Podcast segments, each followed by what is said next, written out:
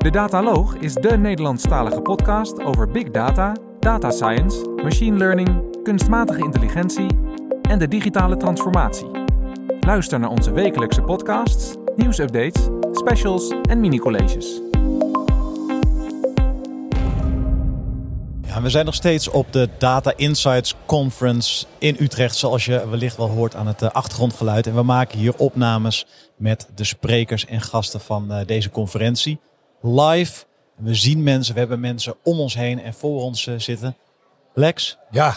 En fantastisch dat jij ja, hier ook aanschuift. En we hebben wel twee hele tof gasten tegenover ons zitten. Net een keynote gedaan. Iedereen uit de middagdip gehaald met jullie verhaal. Tim Wires, Head of Sales, GoData Driven. Sascha Roggeveen, Head of Data and Analytics, uh, Bol.com. Super dat jullie uh, bij ons aanschuiven hier. Ja, leuk dat we mogen zijn. Ja, fantastisch. Leuk. Dat was een mooie presentatie uh, die je gaf over ja, eigenlijk alles wat jullie doen. En nogmaals, ik dacht Bol.com is een beetje waarhuis, maar het is echt een technologisch bedrijf aan het worden.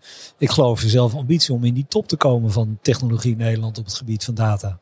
Absoluut. wij, wij, zien, wij zien dat het gebruik van data en het belang van data voor ons als bedrijf essentieel is. Dat zat al in onze haarvaten, maar dat nu nog sterker uit te gaan nutten.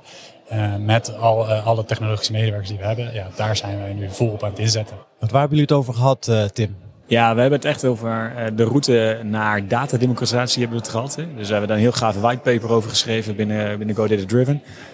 ja, inderdaad. Ja, ik, heb hem ja, hier, en, ja, ja, ik ging al met Walter er doorheen. Ontzettend interessant. Kunnen mensen dit krijgen, Walter? Ja. Dus we kunnen sowieso de, in de show notes een eh, linkje opnemen naar uh, dit rapport, dus Data en Survey rapport, uh, wat hier gelanceerd is samen met Big Data Expo vandaag. En het whitepaper uh, Data Democratization, wat vanuit de GDD met die inzichten onder meer vanuit bol.com ook opgesteld is. Ja, absoluut. We hebben zeker inderdaad de inzichten van, van Sascha daarin meegenomen.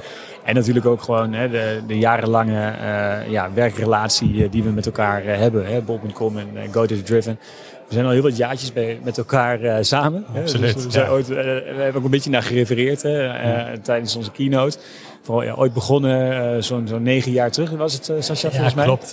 bij het opzetten van ons eerste cluster hebben wij ook samengewerkt met de Xebia Groep. Om ja, de, de, eerste laptops op een stapel te gooien. Heren, negen jaar geleden. Wat, ja. Schets eens even, hoe, hoe zag de wereld er op data toen uit? Ja, dat was uh, Oracle-tijd, hè? Oeh. Dan begin je nu drie mannen heel hard te lachen. Ja, ja, ja, maar ik, ik mag niet zo heel hard lachen. Hè. Ik heb een Oracle verleden, oh. hè, dus uh, oh. ik, ik, lach dus niet, uh, niet heel maar hard. Maar ga door, hoe zag het eruit? Ja, dat, dat, dat, was, dat was wel een andere wereld als het gaat over analyse. De hoeveelheid data die je kunt verwerken was, was een stuk kleiner. Ja, als je dan naar parallel processing gaat en je, en, je, en je legt letterlijk in het begin die stapel computers op elkaar en je gaat gebruik maken van de gecombineerde rekenkracht. Ja, wat voor geweldige innovatie dat wel niet is geweest hè, en wat dat teweeg heeft gebracht. Dat maakt wat we hier nu zitten op de manier waar we nu zitten. En, uh, ja. Gaaf. Ja, toen was het gewoon Hadoop. Nou, ik heb een plaatje voorbij zien komen in jullie uh, presentatie. Dat leek wel braaien met de hoeveelheid data tools die er tegenwoordig is. Mijn god, ja, ja. Met die notes en, en de data verdeeld over de no ja. notes. Ja, dat, uh, dat ging lekker inderdaad in die tijd. Pre-cloud ook eigenlijk nog, hè? Pre-cloud. En ik moet ook eerlijk toegeven dat het nog zelfs voor mijn tijd is geweest. Hè? Dus als ik kijk inderdaad, we hebben het over tien jaar terug. Hè? Dus eigenlijk, uh, echt, toen was ik uh, wel aan het werkende leven begonnen, dat weliswaar. Hè? Maar ja, niet heel erg in deze data-wereld gestapt. Uh, dus ik heb eigenlijk ook alleen nog maar uh, ja, echt die cloud toepassing van data heb ik, uh, heb ik echt meegemaakt. Dus dat, ja, dus ik ben altijd blij om uh, dit soort verhalen van Sascha te horen. En van, uh, uit, uit, de oude doos. Ja, oude doos. Fast forward naar het hier en nu. Ja. Want er kwam een aantal termen ook uh, voorbij. data, democratie. De, Democratisation. Democratisatie. Ja, ja, Jongens, dat is toch niet te doen in het Nederlands? Ja, Democratisatie. Nee. Ja, ik heb een collega die ook inderdaad eigenlijk liefst alleen maar data democratization zegt. En hij zegt van ja, data democratisatie, ik begrijp er soms helemaal niks meer van. Hey, maar leg eens uit, wat is dat? Ja, en, en, analytics engineering wil ik ook nog wat over horen. Die moderne datastack, wat er dan allemaal in zit. Uh, Ga los. Ja, ga los. Ja, ja. Nou ja, ik denk, uh, ik, ik zal het, het spits afbijten. Maar uh, Sascha, alsjeblieft, hè, dat deden we net op het podium natuurlijk ook heel erg goed. Hè. Als ik het af en toe niet meer wist, dan... Het is echt een duo hoor. Ja, we zijn, wel, we, zijn, we zijn ook net een beetje broers hè, van elkaar, ja. lijkt het wel. we zijn natuurlijk elkaar net zo groot. Dus, dus dat komt goed. Maar ja, datademocratisatie is natuurlijk gewoon het data beschikbaar stellen op het juiste moment op de juiste plaats. Dus dat eigenlijk de hele organisatie de toepassing van data kan gebruiken. Dus eigenlijk ook de mensen in, in de businesszijde, maar ook eigenlijk nou ja, iedereen in de organisatie kan waarde uit data halen. Maar dat gaat heel ver. Jij zegt dat nu zo, ja, heel simpel, data voor iedereen beschikbaar stellen. Iedereen knikt, oh ja, dat klinkt allemaal wel leuk, maar zo simpel is dat niet. Nee, absoluut niet. En dan denk ik ook, dat is ook daarom hebben we ook echt gezegd, want dat is een, een route ernaartoe. Dus wij, wij zeggen echt inderdaad van, je begint niet met een, uh, een, data literate programma, om het zo te zeggen. Maar het begint al bij een stukje strategie. Hè? Dus je moet nadenken over maar hoe pas ik data dan toe in mijn organisatie. En we hadden net in, nou ja, toen we het voor aan het overleggen waren, hè, op C-level, dus de C-suite, de C-level is super belangrijk daarin om, om mee te nemen in je, in je strategie. Want als, als zij het niet gaan dragen, dan gaat de hele organisatie het niet dragen. Ja, dat hoorde ik Sascha ook zeggen in een van de opmerkingen. Ja, er zijn bepaalde onderwerpen die doen het heel goed op boordniveau. En bepaalde onderwerpen die super belangrijk zijn, maar misschien toch iets minder aansprekend zijn. Ja, hoe breng je die dan ter sprake in uh, die directiekamer? Ja, Tim gaf al echt een geweldige introductie inderdaad op, op wat democratisatie precies is. En op alle niveaus moet dat inderdaad plaats gaan vinden. En onderwerpen zoals betrouwbaarheid van data, datakwaliteit, is niet heel sexy. Uh, ik noemde de ja, data engineer kan ook een beetje de moderne data archivaris zijn. Hè? Dus die even in de stoffige archieven zeg maar de labeltjes plakt uh, op de data. Cruciaal. Ja, cruciaal. Maar, maar niet, de, niet de baan waar je van droomt als je, ja, wat is de, wat is als je de, klein bent. Wat, is de waarde ervan? We willen topline groeien, Sascha. Dat, uh, ja, wat, wat voor waarde zit erin? Hè? Ja, dat is, ja, precies. Dat is de eerste vraag die je dan krijgt. En, en, en, en toch het structureren van die data, van die gigantische hoeveelheid data die op ons afkomt en op ons af blijft komen. Want ieder jaar weer, het groeit en het groeit en het groeit. Hoe hoe kanaliseren we dat naar juiste oplossingen, juiste systemen? Daar is dat labelen dus en het uiteindelijk ook klassificeren, het goed vastleggen, definitiebeheer. Maar ook denk aan governance. Hè. Zorg dat je hebt vastgelegd welke data gevoelig is, aan welke wetten bepaalde data moet voldoen. Wie verantwoordelijk is als data op een gegeven moment niet aankomt of een bepaalde outlier vertoont waarvan je denkt, hè, dit is gek. Uh, Facebook ligt eruit. Kan, je kan het maar beter weten. Ja. Hey, en, en eh, oh, even terug naar die democratisering. Hè. Als je nou naar de C-suite kijkt, hè, dan wil je daar eigenlijk toegang geven tot data op andere niveaus. Kan je bijvoorbeeld eens vertellen wat dan zo'n C-suite wel wil zien en wat je vooral niet laat zien? Kijk, dat is, dat is een uitdaging waar je elke keer ook moet kijken. Wie is je publiek? Wie zijn de mensen in de zaal? Wat zijn de doelen die, die zij hebben in zo'n organisatie? Dus het kan ook echt wel van, van, van jouw CEO afhangen. Kijk, we hebben vandaag ook fantastische verhalen gehoord waar de boardroom letterlijk gewoon uh, uh, tech zit. Hè? Dus, dus kijk bij Picnic, daar zit, daar zit ook iemand die, die, die, die daar gewoon continu machine learning elke dag in de boardroom bijna als, als roept. Ja, dat is ook afhankelijk dan van je, van je groep mensen. Nou, er zijn ook organisaties een stuk minder ver in. Maar het belangrijkste is, wat is de volgende stap die ze kunnen maken? Wat is de stap die je nu nodig hebt om meer succesvol te worden als organisatie? En ik denk dat we, dat, dat heel afhankelijk is per organisatie. Maar ik denk ook dat je wel heel erg moet kijken naar die engineering principles. Dus echt kijken naar hoe krijg ik die betrouwbaarheid van mijn analyse zo hoog mogelijk. Want daar kun je ze wel mee raken. Wat als jouw data niet klopt? Hoe kun jij dan je beslissingen maken? Hoe weet je dan wat je, hoe je je strategie moet aanpassen op de laatste waarheid? Als, als jouw waarheid dus blijkbaar onbetrouwbaar is. Kijk, en daar zijn ze wel gevoelig voor.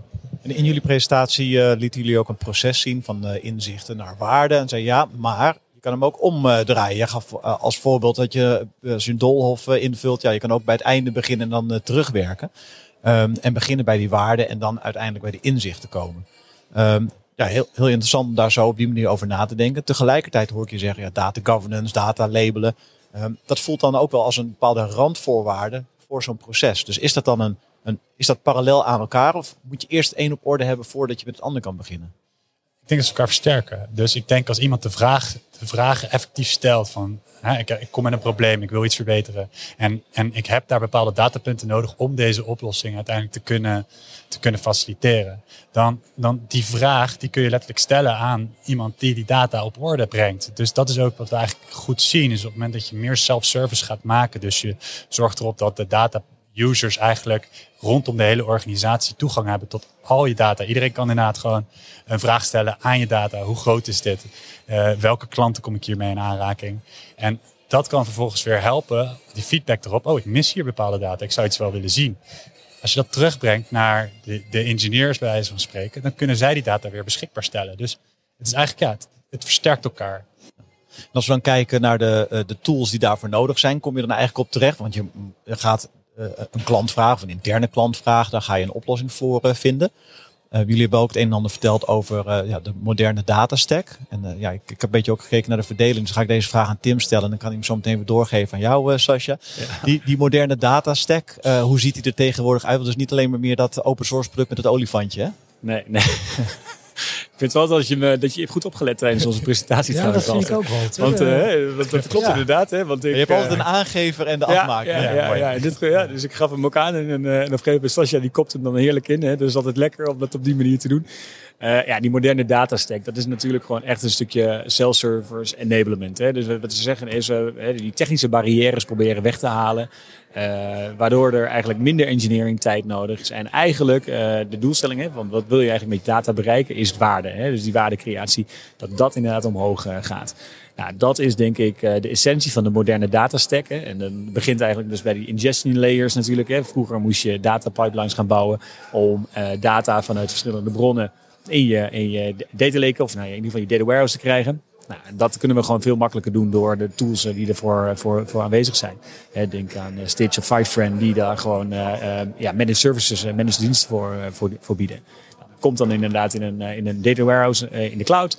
denk aan een Google BigQuery, maar ook een Snowflake. En, en, dus, um, en Databricks natuurlijk, hè, niet te vergeten, die, daar, die daarin faciliteren. En uiteindelijk de self-service layer, Looker, Power BI, uh, die daarin, uh, waar, waar, eigenlijk de eindgebruiker in kan, uh, kan vroeten en eigenlijk meer aan de slag kan. Nou, en ik denk, hè, dus die moderne datastack, hè, en dat is niet alleen eigenlijk dit hele stuk, maar ook het hele de data governance, observability stuk wat daaronder ligt, is denk ik super belangrijk om, om dat nu bij, bij organisaties te introduceren. En het leuke is, ja, kijk, ik was er met Sascha over aan het kletsen natuurlijk in, toen we uh, de voorbereiding aan het doen waren. Ja, en toen zei hij al van, ja, ik, dit, dit passen we eigenlijk gewoon al helemaal toe binnen bol.com.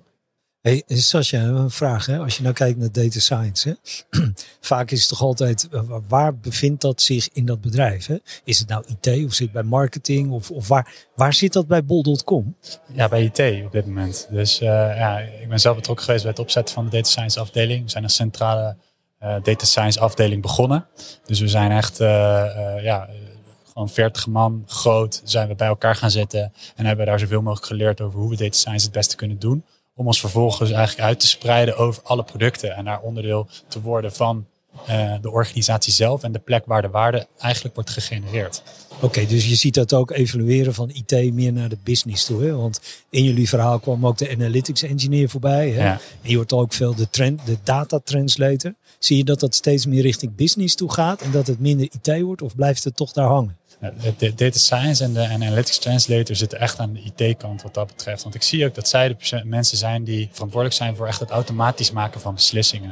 En dat gebeurt toch veelal in onze technische systemen. Waar, waar, waar als je kijkt naar inderdaad meer de analytics translator en, en, en de analytics engineer, sorry, en de andere data professionals, die, die vinden zich vaker wat meer op het vlak van niet de automatische beslissingen, maar juist de strategische beslissingen of de semi-automatische beslissingen. Maar het hele hele veld eromheen eigenlijk alle andere beslissingen die genomen worden in het bedrijf. En dat zijn er heel veel. Hè? Hey, en uh, uh, als business manager zit je op die business. En ja, dat, data, dat zijn toch die nerds. Hè? En als je kijkt naar de data, moet je echt kijken van welke data hebben we. Hè? Dus ook een registry of een library. Hoe, hoe organiseren jullie dat dan om dat bij elkaar te brengen? Kijken waar de data zit en wat je hebt. En, en dan ook nog weten wat, wat de business nodig heeft. Hoe, hoe wordt dat georganiseerd bij jullie? Uh, dus ik zie heel vaak dat dit ook echt het vakmanschap is op dit moment. Die kennis zit gewoon bij mensen. Het is gewoon dus het vertalen van die business vraagstuk naar uiteindelijk welke data heb ik nodig, waar moet ik naartoe. Dat is, dat is exact waar, waar, waar de, het vakgebied in is. En ik geloof dat de analytics engineer iemand is die daarbij kan helpen om dat verder te systematiseren, te automatiseren. Om te zorgen dat dat dus voor iedereen toegankelijk wordt. En niet dat dat toebehoren is aan een kleine groep. Dit is letterlijk eigenlijk wat datademocratisatie is. Die kracht van die analytics aan iedereen geven. Iedereen empoweren met de kracht van onderbouwing, data, de gegevens die je nodig hebt op dit moment. En dat is de superkracht die nu toebehoren is aan een, uh, aan een klein groepje. Jullie begonnen je verhaal met uh, een aantal uh, stellingen. Uh, en uh, daar kon de zaal op reageren. En uh, ja, dat was natuurlijk iedereen volledig eengezint. Hè? Dat, nee, nee, totaal Nee, niet. alles behalve. Nee.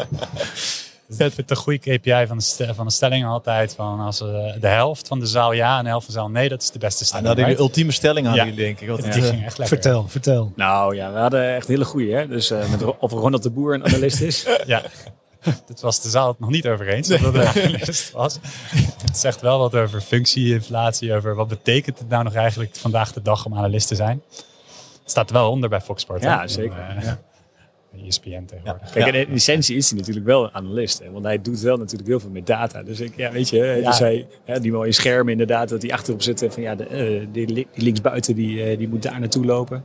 Ja. ja, ik geloof ook wel dat er iemand achter zit die echt echte data-analyse daar op de achtergrond doet. En, en die, daar, die daar, en dat, dat hij daar toch alleen maar eigenlijk zit als een beetje spokesperson. Ja, Walter, dan En- kunnen en- wij refereren aan een andere podcast met eh, de Bundesliga. Hè? de AWS, ja. Dat was een hele leuke Dus podcast. daar de matchfacts eh genereren. ja. Ja. Ja, ja. Ja. Ik dat, heb ook dat geluisterd. is echt analyse, hè? Dat is eentje voor op het lijstje. We, we- we gaan richting het voetbal. Dat klinkt alsof we zo meteen eh, die borrel hier eh, gaan, gaan induiken. Ehm, ik wil jullie hartelijk bedanken voor eh, ja, jullie aanwezig hier in de, de podcast. En voor het delen van jullie verhaal op het podium eh, net. Eh, en eh, ja, analytics engineering, data democratization doe ik hem toch eventjes in het Engels. Eh, dat zijn wel de, de trends eh, van dit moment. Ik denk het ook. En we Ja. zullen een linkje naar eh, het whitepaper ook opnemen in eh, de show notes. Heel leuk. Cool. Bedankt voor het luisteren naar deze uitzending van de Dataloog. Vond je onze podcast leuk, goed, interessant of wellicht te veel ene en nullen? Laat een review achter of geef thumbs up. Heb je vragen of opmerkingen? Kijk dan ook eens op www.dedataloog.nl. Hier staan ook de show notes van alle uitzendingen. Je vindt onze nieuwe uitzendingen wekelijks op iTunes, Stitcher, Spotify en alle andere bekende podcastplatforms. Alles wat wij maken doen we onder Creative Commons. Je mag alles hergebruiken voor niet-commerciële doeleinden, zolang je ons als bron maar noemt. Volg ons op Twitter op @dedataloog. Graag tot de volgende keer.